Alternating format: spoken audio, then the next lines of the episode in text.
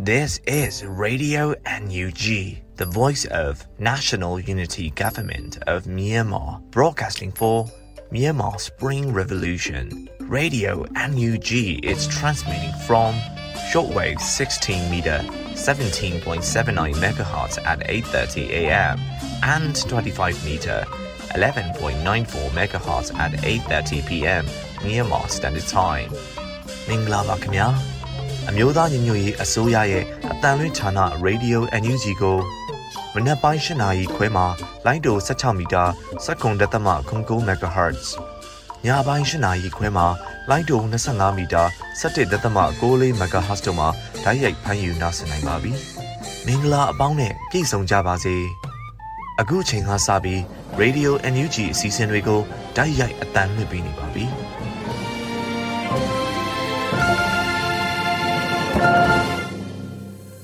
မြန်မာနိုင်ငံသူနိုင်ငံသားအပေါင်းတဘာဝပြီးစစ်အာဏာရှင်ဘေးတို့ကနေကင်းဝေးပြီးဘေးကင်းလုံခြုံကြမှာကြပါစေလို့ရေဒီယိုအယူဂျီအဖွဲ့သားများကဆုတောင်းမြတ်တာပို့သလိုက်ရပါတယ်ရှင်ပထမဆုံးအနေနဲ့ကံကွယ်ရေးဝန်ကြီးဌာနရဲ့စစ်ရေးသတင်းအကျဉ်းချုပ်ကိုຫນွေဦးမိုးမှတင်ပြပေးမှာဖြစ်ပါတယ်ရှင်မင်္ဂလာပါခင်ဗျာအမျိုးသားညီညွတ်ရေးအစိုးရ ကာကွယ်ရေးဝန်ကြီးဌာနမှထုတ်ဝေသောနိုင်စဉ်စည်ရေးသတင်းအကျဉ်းချုပ်များကိုတင်ပြသွားမှာဖြစ်ပါတယ်။ဤသတင်းများကို Radio NUG သတင်းတာဝန်ခံတွေနဲ့ခိုင်လုံသောမိဖက်သတင်းရင်းမြစ်များမှဖော်ပြလာသောအချက်အလက်များပေါ်အခြေခံပြုစုထားခြင်းဖြစ်ပါတယ်ခင်ဗျာ။ပထမဆုံးအနေနဲ့စစ်ကောင်စီနဲ့တိုက်ပွဲဖြစ်ပွားမှုများကိုတင်ပြသွားပါမယ်။ကချင်ပြည်နယ်တွင်2022ခုနှစ်ဧပြီလ9ရက်နေ့ကချင်ပြည်နယ် မန်စီမြို့နယ်မိုင်ခေါင်ကျေးရွာအနီးရှိခိုင်ရိန်ပါ၌စစ်ကောင်စီ၏စစ်လက်နက်များနှင့်ရိတ်ခါတင်ဆောင်လာသည့်စစ်ကားနှစ်စီးကိုကချင်လွတ်မြောက်ရေးတပ်မတော် KIA မှမိုင်းဆွဲတိုက်ခတ်ခဲ့ရာကားတစ်စီးပျက်စီးသွားပြီးစစ်ကောင်စီတပ်သားအချို့တေဆုံးခဲ့သည်ချင်းပြည်နယ်တွင်2022ခုနှစ်ဧပြီလ9ရက်နေ့ချင်းပြည်နယ်ပလောဝမြို့နယ်ဝါတိန်ကျေးရွာနှင့် ဆောင်ဝကျေးရွာကြားတွင်စစ်ကောင်စီတပ်များတပ်ဆွဲထားသည့်နေရာ၌ CTF ပလဝနှင့် CNA ပူးပေါင်းအဖွဲ့နှင့်စစ်ကောင်စီတို့မိနစ်30ခန့်ပြစ်ခတ်မှုဖြစ်ပွားခဲ့ပြီးစစ်ကောင်စီတပ်သားတအူးတေဆုံးခဲ့ကြောင်းသိရသည်။စကိုင်းတိုင်းတွင်2022ခုနှစ်ဧပြီလ10ရက်နေ့စကိုင်းတိုင်းအရာတော်မြို့နယ်ရှောက်ခါကျေးရွာနှင့်ဘောင်းကျကျေးရွာ၌ ဝင်ရောက်စခန်းချခဲ့သည့်စစ်ကောင်စီတပ်သားအင်အား80ခန့်အားအရာတော်မြို့နယ်ပကဖရွှေဘိုမြို့နယ်ပကဖတပ်ပေါင်းစုနှင့်မဟာမိတ်များစုပေါင်းပြီးမိုင်းဆွဲတိုက်ခိုက်ခြင်း drone ဖြင့်တိုက်ခိုက်ခြင်းများပြုလုပ်ခဲ့ရာစစ်ကောင်စီတပ်သား9ဦးသေဆုံးခဲ့ပြီး15ဦးဒဏ်ရာရရှိခဲ့ပြီးတော်လှန်ရေးအင်အားစုမှ drone တစ်စီးပျက်စီးသွားသည်2022ခုနှစ် ဧပြီလ9ရက်နေ့စကိုင်းတိုင်းတမူးမြို့နယ်တမူးအောင်စရကားလမ်းပိုင်း၌တမူးမြို့မှလာသည့်စစ်ကောင်စီတပ်သားများနှင့်ပြူစောထီးများကိုတမူးခရိုင် PDF တပ်ရင်1တပ်ရင်နှစ်တို့မှတိုက်ခတ်ခဲ့ရာစစ်ကောင်စီတပ်သား3ဦးသေဆုံးခဲ့သည်ဆက်လက်ပြီးစစ်ကောင်စီကျွလွန်သောရာဇဝတ်မှုများကိုတင်ပြသွားပါမယ်မကွေးတိုင်းတွင်2022ခုနှစ်ဧပြီလ9ရက်နေ့မကွေးတိုင်း ငဖဲမြို့နယ်ခါကျင်ကျေးရွာနှင့်ရှစ်ခုကျေးရွာများအားစစ်ကောင်စီ၏ကပ္ပစ14မှမီးရှို့ဖျက်ဆီးခဲ့ကြောင်းသိရသည်2022ခုနှစ်ဧပြီလ9ရက်နေ့နေ့လယ်ပိုင်း၌မကွေးတိုင်းစေတုတ်တရာမြို့နယ်တက်ကဲချင်းကျေးရွာအနောက်ဘက်ပိုင်းသို့စစ်ကောင်စီ၏ကပ္ပစ14မှလက်နက်ကြီးများဖြင့်ပစ်ခတ်ခဲ့သည်2022ခုနှစ်ဧပြီလ9ရက်နေ့နေ့လယ်ပိုင်း၌ မကွေးတိုင်းပေါက်မြို့နယ်ရေကျော်ရွာအနောက်ဘက်ပိုင်းသို့စစ်ကောင်စီမှအင်အား30ခန့်တောနှင်းရှာဖွေခဲ့ပြီးနေအိမ်များကိုမီးရှို့ဖျက်ဆီးခဲ့ရာအင်ဂျီတရာကျော်မီးလောင်ကျွမ်းသွားကြောင်းနဲ့နယ်မြေခံပြည်သူများတောတောင်များတဲ့သို့ထွက်ပြေးနေရကြောင်းသိရသည်2022ခုနှစ်ဧပြီလ9ရက်နေ့မကွေးတိုင်းပခုတ်ကူမြို့နယ်လေးတိုင်ရွာအားစစ်ကောင်စီမှမီးရှို့ဖျက်ဆီးခဲ့ကြောင်းသိရသည် ရန်ကုန်တိုင်းတွင်2022ခုနှစ်ဧပြီလ9ရက်နေ့ရန်ကုန်တိုင်းအလုံမြို့နယ်၌ PDF ကိုထောက်ပံ့သည်ဟုဆွဆွဲ၍မိခင်ဖြစ်သူကိုတနက်ဖြစ်ပစ်ခတ်ပြီးအသက်3နှစ်အရွယ်ကလေးတဦးကိုဖမ်းဆီးခေါ်ဆောင်သွားရာအသက်အန္တရာယ်အတွက်စိုးရိမ်ရကြောင်းသိရသည်။အေယာဝတီတိုင်းတွင် 2022ခုနှစ်ဧပြီလ10ရက်နေ့အေယာဝတီတိုင်းဝါခေမာမြို့နယ်တွင်2021ခုနှစ်အာနာသိမ့်ပြီးနောက်ပိုင်းစစ်ကောင်စီမှဖမ်းဆီးထိန်းသိမ်းထားသည့်ဆယ်တန်းကျောင်းသူအပါအဝင် အမျိုးသမီး9ဦးခန့်အနက်မှဧပြီလ9ရက်နေ့ကျွန်းလှကြီးရွာနေသူမနန္ဒာကို ပုံမှန်905ဖြင့်ထောင်ဒဏ်2နှစ်ချမှတ်ခဲ့ကြောင်းသိရသည်2022ခုနှစ်ဧပြီလ9ရက်နေ့အေယာဝတီတိုင်းပသိမ်မြို့နယ် ပသိမ်အကျဉ်းထောင်တွင် မတရားဖမ်းဆီးခံထားရသည့်နိုင်ငံရေးအကျဉ်းသားများအနက်ကိုစော်ကြီးနှင့်ကိုစိုးခန့်ဦးဒါကမှဦးစော်သိန်းတို့ကိုဧပြီလ9ရက်နေ့ကထောင်တွင်းတရားရုံးမှ905ကဖြင့်ထောင်ဒဏ်2နှစ်စီချမှတ်လိုက်ကြောင်းသိရသည်ဟုတ်ကဲ့ပါယခုတင်ပြခဲ့တာကတော့အမျိုးသားညီညွတ်ရေးအစိုးရကာကွယ်ရေးဝန်ကြီးဌာနမှထုတ်ဝေသောနိုင်စဉ်စည်ရေးသတင်းအကျဉ်းချုပ်များပဲဖြစ်ပါတယ်ခင်ဗျာကျွန်တော်ຫນွေဦးမိုးပါ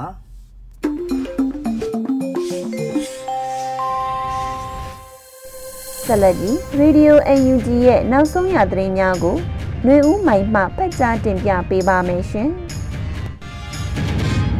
မင်္ဂလာမနက်ခင်းပါရှင်အခုချိန်ကစပြီး Radio UNG ရဲ့မနက်ခင်းသတင်းများကိုဖတ်ကြားပါတော့မယ်ဤသတင်းများကို Radio UNG သတင်းတောင်ခါများနဲ့ခိုင်လုံသောမိဖက်သတင်းရင်းမြစ်များစီမှအခြေခံတင်ပြထားခြင်းဖြစ်ပါတယ်ရှင်ကျွန်မຫນွေဦးမိုင်ပါ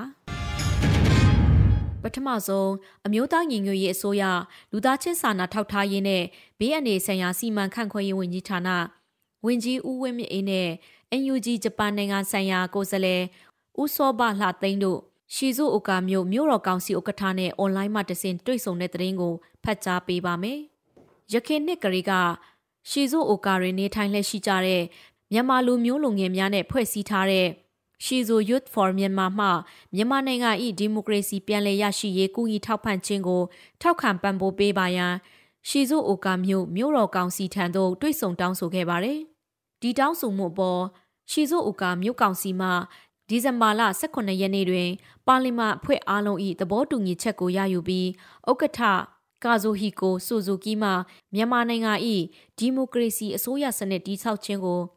လျင်မြန်စွာပြန်လည်အကောင့်ထေဖော်နိုင်ရေးကိုလိုလားတောင်းဆိုကြောင်းသဘောထားကိုထုတ်ပြန်ကြေညာခဲ့ပါတယ်။ဒါအပြင်ရှီဇုဥကာမျိုးတော်ကောင်စီအနေဖြင့်မြို့အမတ်များထံမှထောက်ပံ့ငွေကိုကောက်ယူပြီးအမျိုးသားညီညွတ်ရေးအစိုးရ NUG ၏လူသားချင်းစာနာထောက်ထားရေးနဲ့ဘေးအန္တရာယ်ဆိုင်ရာစီမံခန့်ခွဲရေးဝန်ကြီးဌာနသို့လှူဒန်းလိုကြောင်းအကြောင်းကြားလာပါတယ်။ထိုလှူဒန်းထောက်ပံ့ငွေကိုပေးပို့မဲ့ကိစ္စနဲ့ဆက်လင်းပြီးဥက္ကဋ္ဌ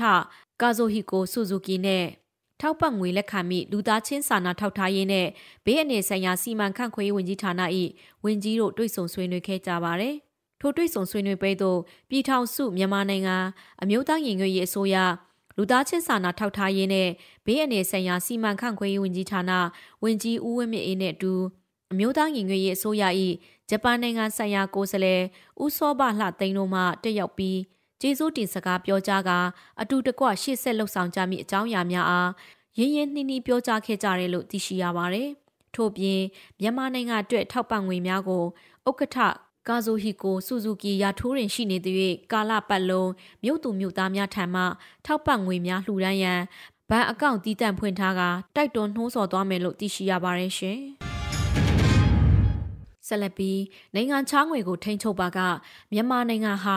ကမ္ဘာစီးပွားရေးနဲ့ဗန္ဒာရေးစနန်တူမှအဆက်အသွယ်ပြတ်သွားမယ်လို့နိုင်ငံတကာလုံငန်းရှင်အဖွဲ့အစည်းစစ်တခုကထုတ်ပြန်တဲ့သတင်းကိုဖတ်ကြားပေးပါမယ်။နိုင်ငံခြားငွေကိုထိန်းချုပ်ပါက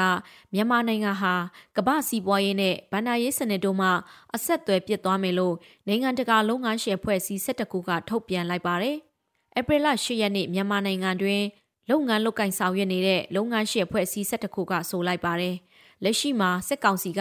နိုင်ငံခြားငွေများကိုပြည်တွင်းသို့ဝင်ရောက်လာပါကတဒေါ်လာကို1850ကျပ်နှုန်းဖြင့်မယောင်းမနေရရောင်းချရမယ်လို့စီးမြင်ချမှတ်ထားပါတယ်။နိုင်ငံခြားငွေထိန်းချုပ်ခြင်းဟာမြန်မာလူမျိုးများလူနေမှုအဆင့်အတန်းနှိမ်ကျစေခြင်းနိုင်ငံခြားစီးပွားရေးလုပ်ငန်းများကိုရပ်တန့်စေခြင်းနဲ့နိုင်ငံခြားတိုက်ရိုက်ရင်းနှီးမြှုပ်နှံမှုကိုရပ်တန့်စေပြီးကုန်သွယ်မှုတင်းမာမှုများဖြစ်ပေါ်စေတယ်လို့ထုတ်ပြန်ချက်မှာဖော်ပြထားပါတယ်။ ထုတ်ပြန်ချက်ကိုမြန်မာနိုင်ငံရှိအမေရိကန်ကုန်သည်ကြီးများအသင်းအာရှပစိဖိတ်မွေးကင်းစကလေးငယ်နဲ့လူငယ်အာဟာရအဖွဲ့မြန်မာနိုင်ငံရှိဩစတြေးလျကုန်သည်ကြီးများအသင်းမြန်မာနိုင်ငံရှိဗြိတိရှကုန်သည်ကြီးများအသင်းမြန်မာနိုင်ငံရှိပြင်သစ်ကုန်သည်ကြီးများနဲ့စက်မှုလက်မှုလုပ်ငန်းရှင်များအသင်းမြန်မာနိုင်ငံရှိဥရောပကုန်သည်ကြီးများအသင်းဂျာမနီမြန်မာကုန်သည်ကြီးများအသင်းအီတလီမြန်မာကုန်သည်များအသင်း ဂျပန်ကုန်သည်များနဲ့စက်မှုလက်မှုလုပ်ငန်းရှင်များအသင်းနယူးဇီလန်မြန်မာကုန်သည်ကြီးများအသင်းတို့ကထုတ်ပြန်ခဲ့တာဖြစ်ပါတယ်ရှင်။စစ်အုပ်စုဟာကြီးမားတဲ့အကြောက်တရားတွေနဲ့ရင်ဆိုင်ရတဲ့အချိန်ကိုရောက်လာပြီလို့ CDM ဗိုလ်ကြီးခန့်ကိုဆိုတဲ့သတင်းကိုဆက်လက်ဖတ်ကြားပေးပါမယ်။စစ်အုပ်စုဟာကြီးမားတဲ့အကြောက်တရားတွေနဲ့ရင်ဆိုင်နေရတဲ့အချိန်ကိုရောက်လာပြီလို့ CDM ဗိုလ်ကြီးခန့်ကိုဆိုလိုက်ပါတယ်။ ဧပြီလ10ရက်လူမှုကွန်ရက်မှာ CDM ဗိုလ်ကြီးခန့်ကိုကရေးသားပြောကြားခဲ့ခြင်းဖြစ်ပါတယ်။တော်လှန်ရေးရဲ့အရှိန်ဟာတဖြည်းဖြည်းမြင့်တက်လာနေပါပြီ။စစ်ကောင်စီရဲ့ထိခိုက်ကြဆုံးဆုံးရှုံးမှုတွေလည်းတဖြည်းဖြည်းစိတ်လာတာကိုတွေ့ရပါတယ်။အားပြိုင်မှုကြီးမားတဲ့ကာလတစ်ခုဖြစ်တဲ့အတွက်တော်လှန်ရေးအင်အားစုတွေနေနဲ့အဖက်ဖက်ကပုံမူကယူစိတ်ကြဖို့လိုပါတယ်။သိချတာကတော့စစ်အုပ်စုဟာကြီးမားတဲ့အကြောက်တရားတွေနဲ့ရင်ဆိုင်ရတဲ့အချိန်ကိုရောက်လာပါပြီ။ လက်နက်ရှိရင်အနိုင်ကျင့်လို့ရတဲ့ထင်နေတဲ့အဖွဲ့အစည်းတစ်ခုကိုအနိုင်ယူဖို့အကြောက်တရားဆိုတဲ့အရာကိုသူတို့ခေါင်းထဲထည့်ပေးယုံကလွဲပြီးတခြားအဖြစ်မရှိပါဘူးလို့ဆိုပါတယ်။စစ်ကောင်စီတပ်များဟာချင်းပြည်နယ်နဲ့ကရင်ပြည်နယ်စကိုင်းတိုင်းတို့မှာအထိခိုက်ကြဆုံးများပြားလက်ရှိပါတယ်။လက်တလုံးမှာရွာတွေကိုမီးရှို့တာဖျက်ဆီးတာတွေကိုစစ်ကောင်စီတပ်တွေကပြောင်ပြောင်တင်းတင်းလှုပ်ဆောင်လက်ရှိပါတယ်ရှင်။ ဆက်လက်ပြီးကလေးတက္ကသိုလ်ရှိ CDM ဝန်ထမ်းများအခက်ခဲရှိပါကကလေးတက္ကသိုလ်ကျောင်းသားများတမကထံဆက်သွယ်အကူအညီတောင်းခံနိုင်တဲ့သတင်းကိုဖတ်ကြားပေးပါမယ်။ကလေးတက္ကသိုလ်ရှိ CDM ဝန်ထမ်းများအခက်ခဲရှိပါကကလေးတက္ကသိုလ်ကျောင်းသားများတမကထံဆက်သွယ်အကူအညီတောင်းခံနိုင်တယ်လို့ဆိုပါရယ်။ဧပြီလ10ရက်နေ့မှာကလေးတက္ကသိုလ်ကျောင်းသားများတမကကထုတ်ပြန်ခဲ့ပါတယ်။မင်းအောင်လှိုင်ဦးဆောင်သောအကြမ်းဖက်စစ်ကောင်စီသည် 2021ခုနှစ်ဖေဖော်ဝါရီလ1ရက်နေ့တွင်ပြည်သူရွေးကောက်ထားသောအစိုးရထံမှတိုင်းပြည်အာဏာကိုမတရားသိမ်းယူခဲ့ပါတယ်။ထိုနှစ်မှစ၍ပြည်သူဘက်မှနေ၍အမှန်တရားဖက်တွင်ရည်တည်ပေးကြသည့်ကလေးတက္ကသိုလ်ရှိပြည်သူဝန်ထမ်းများကိုကလေးတက္ကသိုလ် CDM အထောက်ကူပြုကော်မတီဘာသာရက်အလိုက် CDM အထောက်ကူပြုအဖွဲ့များနဲ့ကလေးတက္ကသိုလ်ကျောင်းသားများတမကတို့မှဥဆောင်ကသုံးကြိမ်တိုင်းထောက်ပံ့ခဲ့ပြီးဖြစ်ပါတယ်။ ယခုချိန်သည်ပြည်သူတရက်လုံးအခက်ခဲဆုံးကာလကိုဖျက်ကျော်နေရသဖြင့်ကလေးတက္ကသိုလ်ပြည်သူဝန်ထမ်းများနေဖြင့်အခက်ခဲတဆုံတရာဖြစ်ပွားပါကကလေးတက္ကသိုလ်ကျောင်းသားများတမကထံအချိန်မရွေးဆက်သွယ်နိုင်ကြောင်းအသိပေးအပ်ပါတယ်လို့ဖော်ပြထားပါတယ်။ကလေးတက္ကသိုလ်မှာလက်ရှိကလေးတက္ကသိုလ်ယာယီတက္ကသိုလ်အုပ်ချုပ်ရေးကောင်စီလည်းဖွဲ့စည်းထားရှိကတက္ကသိုလ်များအရေးကိုလည်းဆောင်ရွက်လက်ရှိရလို့သိရှိရပါတယ်ရှင်။ ဆက်လက်ပြီးစစ်ကောင်စီကတေတံချမှတ်ခံထားရတဲ့ပြည်သူ59ဦးတွင်ကလေး2ဦးပါဝင်တဲ့တရင်ကိုဖတ်ကြားပေးပါမယ်။စစ်ကောင်စီကတေတံချမှတ်ခံထားရတဲ့ပြည်သူ59ဦးတွင်ကလေး2ဦးပါဝင်တယ်လို့သိရရှိပါရယ်။နိုင်ငံရေးအကျဉ်းသားများကုညီဆောင်ရှောက်ရေးအသင်း AAPPE မှတ်တမ်းပြုချက်များအရ2021ခုနှစ်ဖေဖော်ဝါရီလ1ရက်နေ့မှ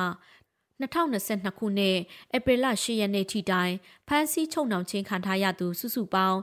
1132ဦးရှိပြီး၎င်းတို့အနက်မှ984ဦးမှာထောင်ဒဏ်ချမှတ်ခြင်းခံထားရပါတယ်။ထိုပြစ်ဒဏ်ချခံရသူထဲမှာအသက်18နှစ်အောက်ကလေး2ဦးအပါအဝင်59ဦးမှာတေဒဏ်ချမှတ်ခံထားရပါတယ်။ထို့ပြင်ဖမ်းဝရမ်းထုတ်ချင်းခံထားရသောကြောင့် ဒိတ်ဆောင်နေသူ1986ဦး၏အမိစရင်ကိုလည်းတီးခြားဖော်ပြထားပြီး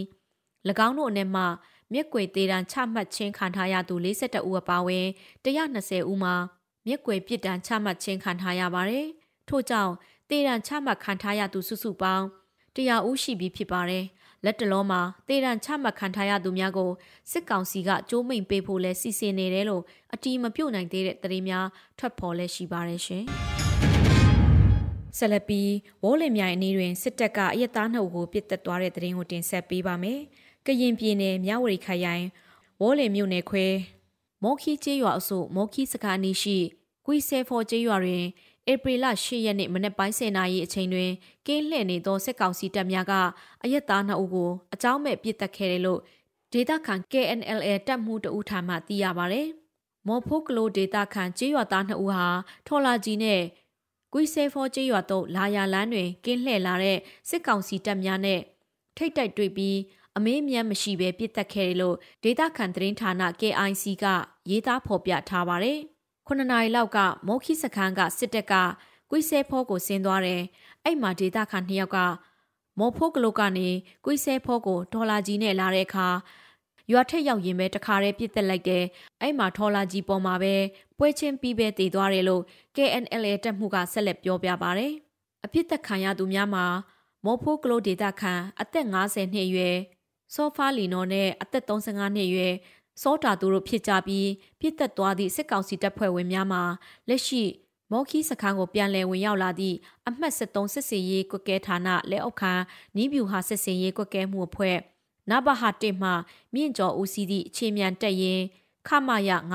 960ခမရ961ခမရ985ခမရ959ပူပေါင်းတပ်ဖွဲ့ဝင်များဖြစ်ကြောင်းသိရှိရပါတယ်။လွန်ခဲ့တဲ့မတ်လကမော်ခီအခြေဆိုင်စစ်ကောင်စီခန့်စစ်စခန်းကို KNLA ပူးပေါင်းတပ်ဖွဲ့ဝင်များမှဝင်ရောက်သိမ်းယူနိုင်ခဲ့ပြီးနောက်စစ်ကောင်စီဘက်ကအဆိုပါစခန်းကိုပြန်လည်ဝင်ရောက်ဖို့စ조사နေတာဖြစ်ပါတယ်ရှင်။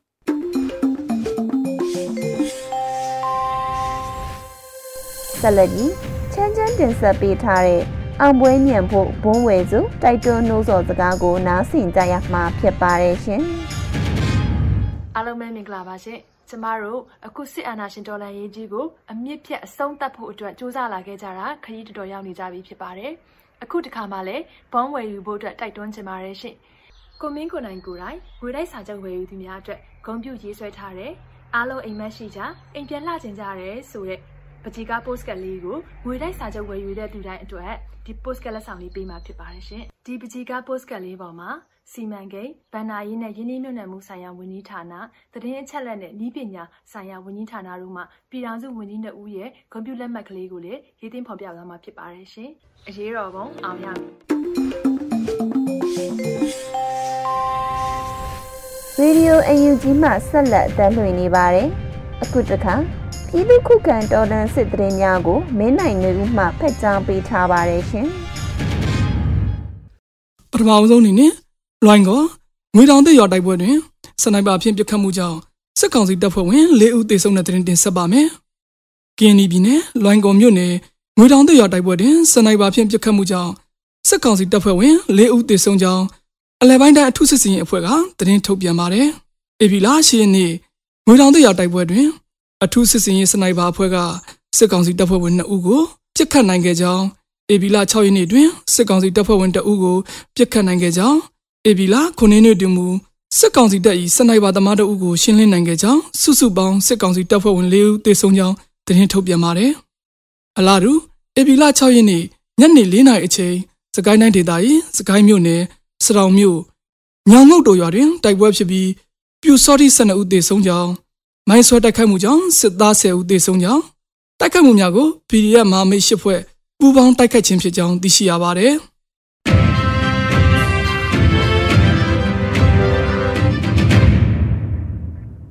ဆက်လက်ပြီးပင်လယ်ဘူးရဲစခန်းကိုဒေသကာကွယ်ရေးတပ်ဖွဲ့များဝင်တိုက်ပြီးစစ်ကောင်စီကတိုက်လေရင်ဖြင့်ပင်လယ်ဘူးမြို့ပေါ်ကိုယနေ့တရက်အတွင်း၃ချိန်ဘုံကျဲတိုက်ခိုက်တဲ့တဲ့တင်ဆက်ပါမယ်။စကိုင်းတိုင်းပင်လယ်ဘူးမြို့ပေါ်ရှိရဲစခန်းကိုဒေသကာကွယ်ရေးတပ်များက ယမန်နေ့အေဗီလ9နေ့နေ့ည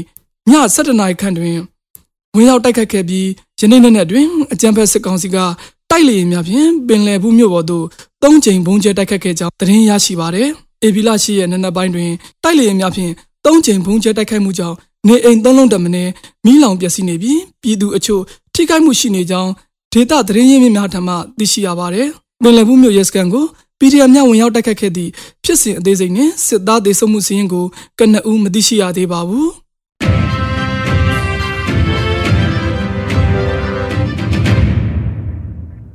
နောက်ဆုံးအနေနဲ့ငဖက်မြို့နယ်ရင်ရင်တောင်ကျောတွင်စစ်ကောင်စီတပ်ဖွဲ့စောင့်ကြိုတိုက်ခိုက်ခံရပြီးအကြအဆုံးများသဖြင့်တပ်ပြန်ဆုတ်သွားတဲ့တဲ့ရင်ဆက်လက်တင်ဆက်မှာပါမကွေးတိုင်းငဖက်မြို့နယ်အနောက်ဘက်16မိုင်ခန့်အကွာရင်ရင်တောင်ကျောတွင်ဂျမန်နေ အေဘီလာ9ရက်နနက်9နာရီခွဲတွင်စစ်ကြောင်းထိုးလာတဲ့စစ်ကောင်စီတပ်ကို People Revolution Alliance မကွေးနှင့်အရှိုချင်းကာကွယ်ရေးတပ်ဖွဲ့ ACTF ပူးပေါင်းတပ်ဖွဲ့ကစောင့်ကြိုတိုက်ခတ်ခဲ့ပြီးစစ်ကောင်စီဘက်ကဒေဆုံးတိကိုက်မှုများကြောင်း PRA မကွေးထံမှသိရှိရပါတယ်။အကြမ်းဖက်စစ်ကောင်စီတပ်ဟာပြစ်ခတ်မှုများလှုပ်ဆောင်ပြီးပြန်လည်ဆုတ်ခွာသွားကြောင်းစစ်သားထိခိုက်ဒေဆုံးမှုစီရင်ကိုအတိအကျမသိရှိရသေးကြောင်း PRA မကွေးကသတင်းထုတ်ပြန်ထားပါတယ်ခင်ဗျာ ရေဒီယို UNG သောတာရှင်များရှင် PPTV ရဲ့နေ့စဉ်သတင်းများကိုတော့ထထအင်ဒရာအောင်မှဖက်ကြားတင်ပြပေးထားပါတယ်ရှင်အခုတင်ဆက်ပေးမှာကတော့ဒဇာကန်ဖြစ်ဖမ်းဆီးခံရတဲ့အသက်၄နှစ်အရွယ်ကလေးငယ်နဲ့ပတ်သက်ပြီးလူမဆန်တဲ့လောက်ရဖြစ်တဲ့အတွက်ဘယ်သူမှလက်မခံသင့်ဘူးလို့တမ္မကြီးဦးကျော်မိုးထွန်းကကုလာသမဂမှာပြောကြားလိုက်တဲ့သတင်းမှာ အကြံဖတ်စစ်ကောင်စီရဲ့တစားကန်ဖြစ်ဖမ်းဆီးခံရတဲ့အသက်လေးနှစ်ရွယ်ကလေးငယ်နဲ့ပတ်သက်ပြီးတော့လူမဆန်တဲ့လုပ်ရဖြစ်တဲ့အတွက်ဘယ်သူမှလက်မခံသင့်ဘူးလို့တာမကြီးဦးကျော်မှုထွန်းကဧပြီလ9ရက်နေ့မှာကျင်းပတဲ့17ကြိမ်မြောက်ကုလသမဂ္ဂအထွေထွေညီလာခံအထူးအရေးပေါ်အစည်းအဝေးမှာမိန့်ခွန်းပြောကြားစဉ်ထည့်သွင်းပြောကြားခဲ့တာပါအကြံဖတ်စစ်တပ်ကဧပြီလ9ရက်နေ့မှာရန်ကုန်မြို့အလုံးမြို့နယ်မှာရှိတဲ့မူဂျူကျောင်းကိုအတင်းဝင်ရောက်က ကလေးတွေနဲ့ဆရာဆရာမတွေကိုဒူးထောက်ခိုင်းပြီးတော့အသက်၄နှစ်အရွယ်ကလေးမောင်ဖုံးတန့်ဝီယံကိုဖမ်းဆီးခဲ့ကြောင်းကလေးရဲ့မိဘတွေဖြစ်သူကဒီမိုကရေစီလှုပ်ရှားမှုနဲ့စစ်တပ်စန့်ကျင်ရေးမှာပါဝင်သူတွေဖြစ်စစ်တပ်ကဖမ်းဝရမ်းထုတ်ထားသူတွေဖြစ်ပြီးအသက်၄နှစ်အရွယ်ကလေးကိုတစားကန်ဖြစ်နဲ့ဖမ်းဆီးခေါ်ဆောင်သွားတာဖြစ်တယ်လို့ဆိုပါတယ်။အဲ့ဒီဖြစ်ကတခြားကလေးငယ်တွေရဲ့ရှေ့မှမှာဖြစ်ပွားခဲ့ပြီးတော့ အဲ့ဒီလိုလူမဆန်ကြမ်းကြုတ်တဲ့လုပ်ရက်ကိုဘယ်သူမှလက်မခံသင့်တယ်လို့နိုင်ငံတကာအတိုင်းဝန်ရဲ့အချိန်မီချက်ချင်းအရေးယူဆောင်ရွက်ဖို့လိုအပ်နေတယ်လို့ဦးကျော်မှုထွန်းကပြောကြားခဲ့တာပါပြစ်မှုကျူးလွန်တဲ့ဘသူမဆိုအပြစ်ပြီးဆိုင်ရာပြစ်မှုဆိုင်ရာတရားရုံးအပါအဝင်တရားစီရင်ရေးရန်တရားတွေအောက်မှာတာဝန်ခံယူမှုရှိရမှာဖြစ်ကြောင်းကုလသမဂ္ဂအဖွဲ့ဝင်နိုင်ငံတွေအနေနဲ့အဲ့ဒီကြိုးပမ်းမှုကိုထောက်ခံဖို့တိုက်တွန်းကြောင်းတမ္မတ်ကြီးကပြောပါတယ်။ ပြည်သူတွေအားလုံးအနေနဲ့အာဏာနဲ့လက်နက်အလွဲသုံးစားပြုတဲ့အာဏာရှင်တွေကြောင့်ဆိုးရွားတဲ့အခြေအနေနဲ့ရင်ဆိုင်ရတဲ့အချိန်မှာခိုင်မာတင်းကျပ်တဲ့တရားဥပဒေစိုးမိုးရေးအပြည်ပြည်ဆိုင်ရာဥပဒေတွေလှုပ်ထုံးလုပ်နည်းတွေကိုသာအောက်ကိုအားထားပြုရမယ်လို့တမ္မကြီးဦးကျော်မိုးထွန်းကထည့်သွင်းပြောကြားခဲ့ပါတယ်။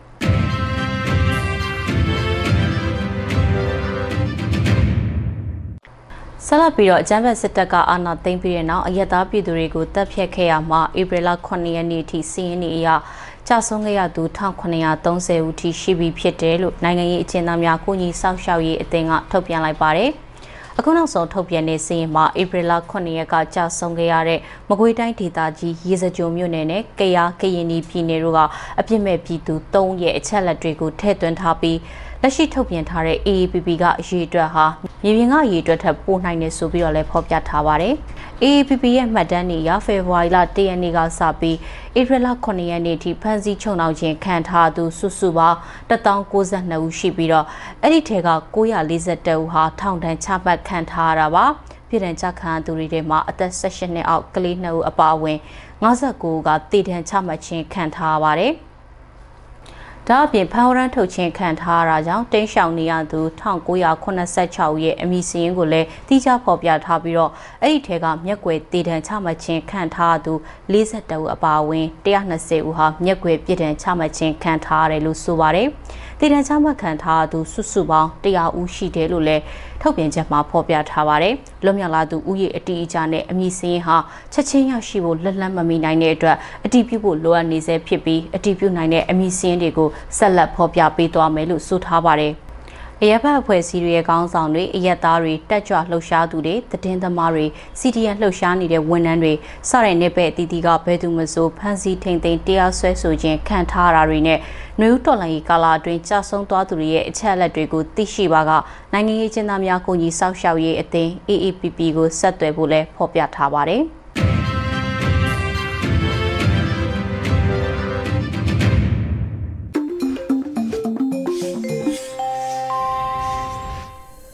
ခုဆက်လက်ပြီးတိုင်းသားဘာသာစကားအစီအစဉ်အနေနဲ့ချိုးချင်းဘာသာစကားခွဲတစ်ခုဖြစ်တဲ့တိုင်းဘာသာစကားဖြင့်သတင်းထုတ်လွှင့်မှုအစီအစဉ်ကိုတင်ဆက်ပေးမှာဖြစ်ပါတယ်။ဒီအစီအစဉ်ကို Radio UNG နဲ့ချိုးချင်းဘာသာစကားထုတ်လွှင့်မှုအစီအစဉ်ဖွဲ့တို့ပူးပေါင်းထုတ်လွှင့်တာဖြစ်ပါတယ်ရှင်။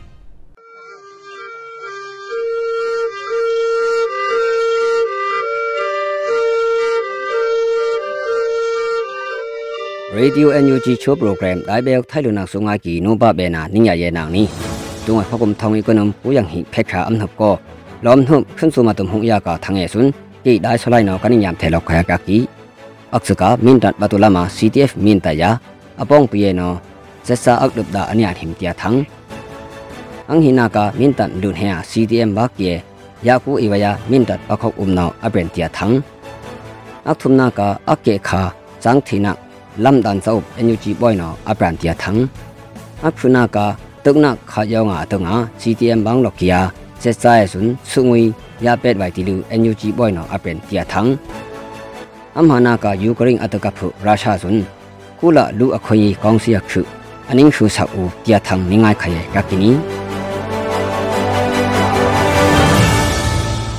อักษกทังนิ่งไงเบกอมอูมินตัดบัตุลามาเซซายยาตุนาคา ยากากีติลูหงยากากากีอักทุมนากะทังนิงไงเบกอมูตุเกกลักอุมงกรองสังทีนักลำดันซอบสุนเอ็นยูจีบอยนอกเพคาอัมหนมหังอปีดปรางโลกากินีอสุนาซอบสุนอินพุพุนัมพุพุยาซาสุนอูโนอีฮักบาเทไว้เตียเทเทมสิงหัดเกียนออันปีปรางกากินีอสุนาซาอบสุนอินเทอร์เน็ตสัมหายงสุยลือบึกลึงกาเกียก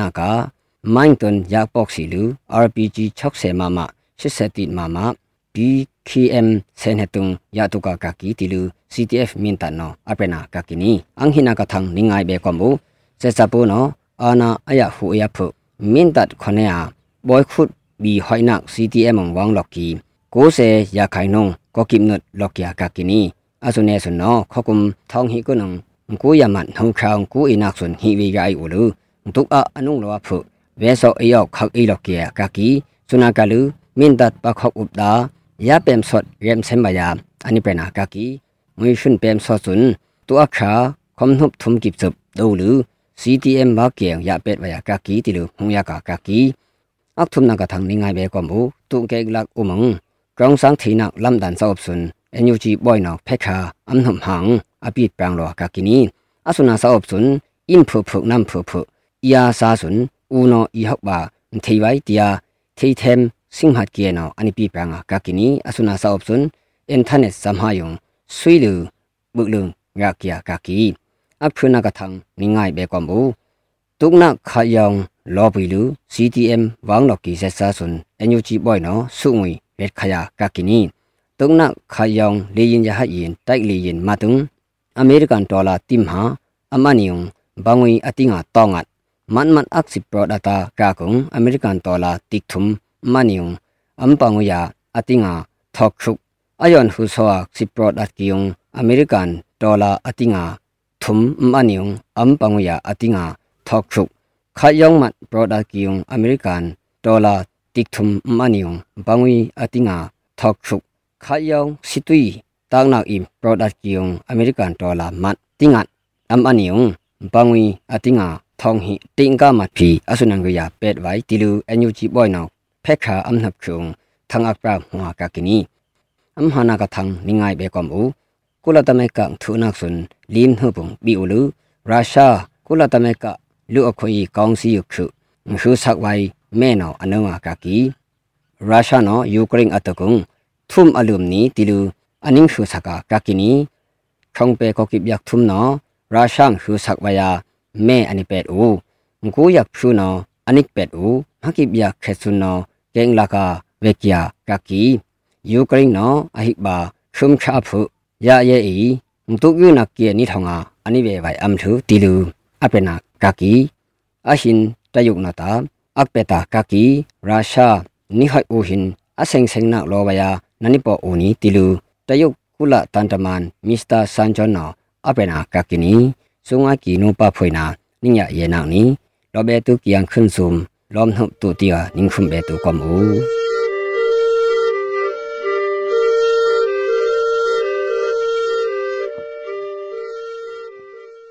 ဒီကနေ့ကတော့ဒီညနေပဲ Radio NUG ရဲ့အစည်းအဝေးကိုခਿੱတရရလိုက်ပါမယ်။မြန်မာစံတော်ချိန်မနက်၈နာရီခွဲနဲ့ည၈နာရီခွဲအချိန်တွေမှာပြန်လည်ဆုံးဖြတ်ကြပါစို့။ Radio NUG ကိုမနက်ပိုင်း၈နာရီခွဲမှာလိုင်းဒို16မီတာ7.3 MHz ညပိုင်း၈နာရီခွဲမှာလိုင်းဒို25မီတာ17.6 MHz တို့မှာဓာတ်ရိုက်ဖမ်းယူနိုင်စင်နိုင်ပါပြီ။မြန်မာနိုင်ငံသူနိုင်ငံသားများကိုယ်စိတ်နှပြချမ်းမာချမ်းသာလို့ဘေးကင်းလုံခြုံကြပါစေလို့ Radio NUG အဖွဲ့သူအဖွဲ့သားများကဆုတောင်းလိုက်ရပါတယ်။အမျိုးသားညီညွတ်ရေးအစိုးရရဲ့စက်သွေးရေးတရင်အချက်အလက်နဲ့ဤပညာဝန်ကြီးဌာနကထုတ်လွှင့်နေတဲ့ Radio NUG ဖြစ်ပါတယ်။ San Francisco Bay Area အခြေစိုက်မြန်မာမိသားစုများနဲ့ နိုင်ငံတကာကစေတနာရှင်များလှုပ်အားပေးများရဲ့ Radio NUG ဖြစ်ပါတယ်။အရေးတော်ပုံအောင်ရမည်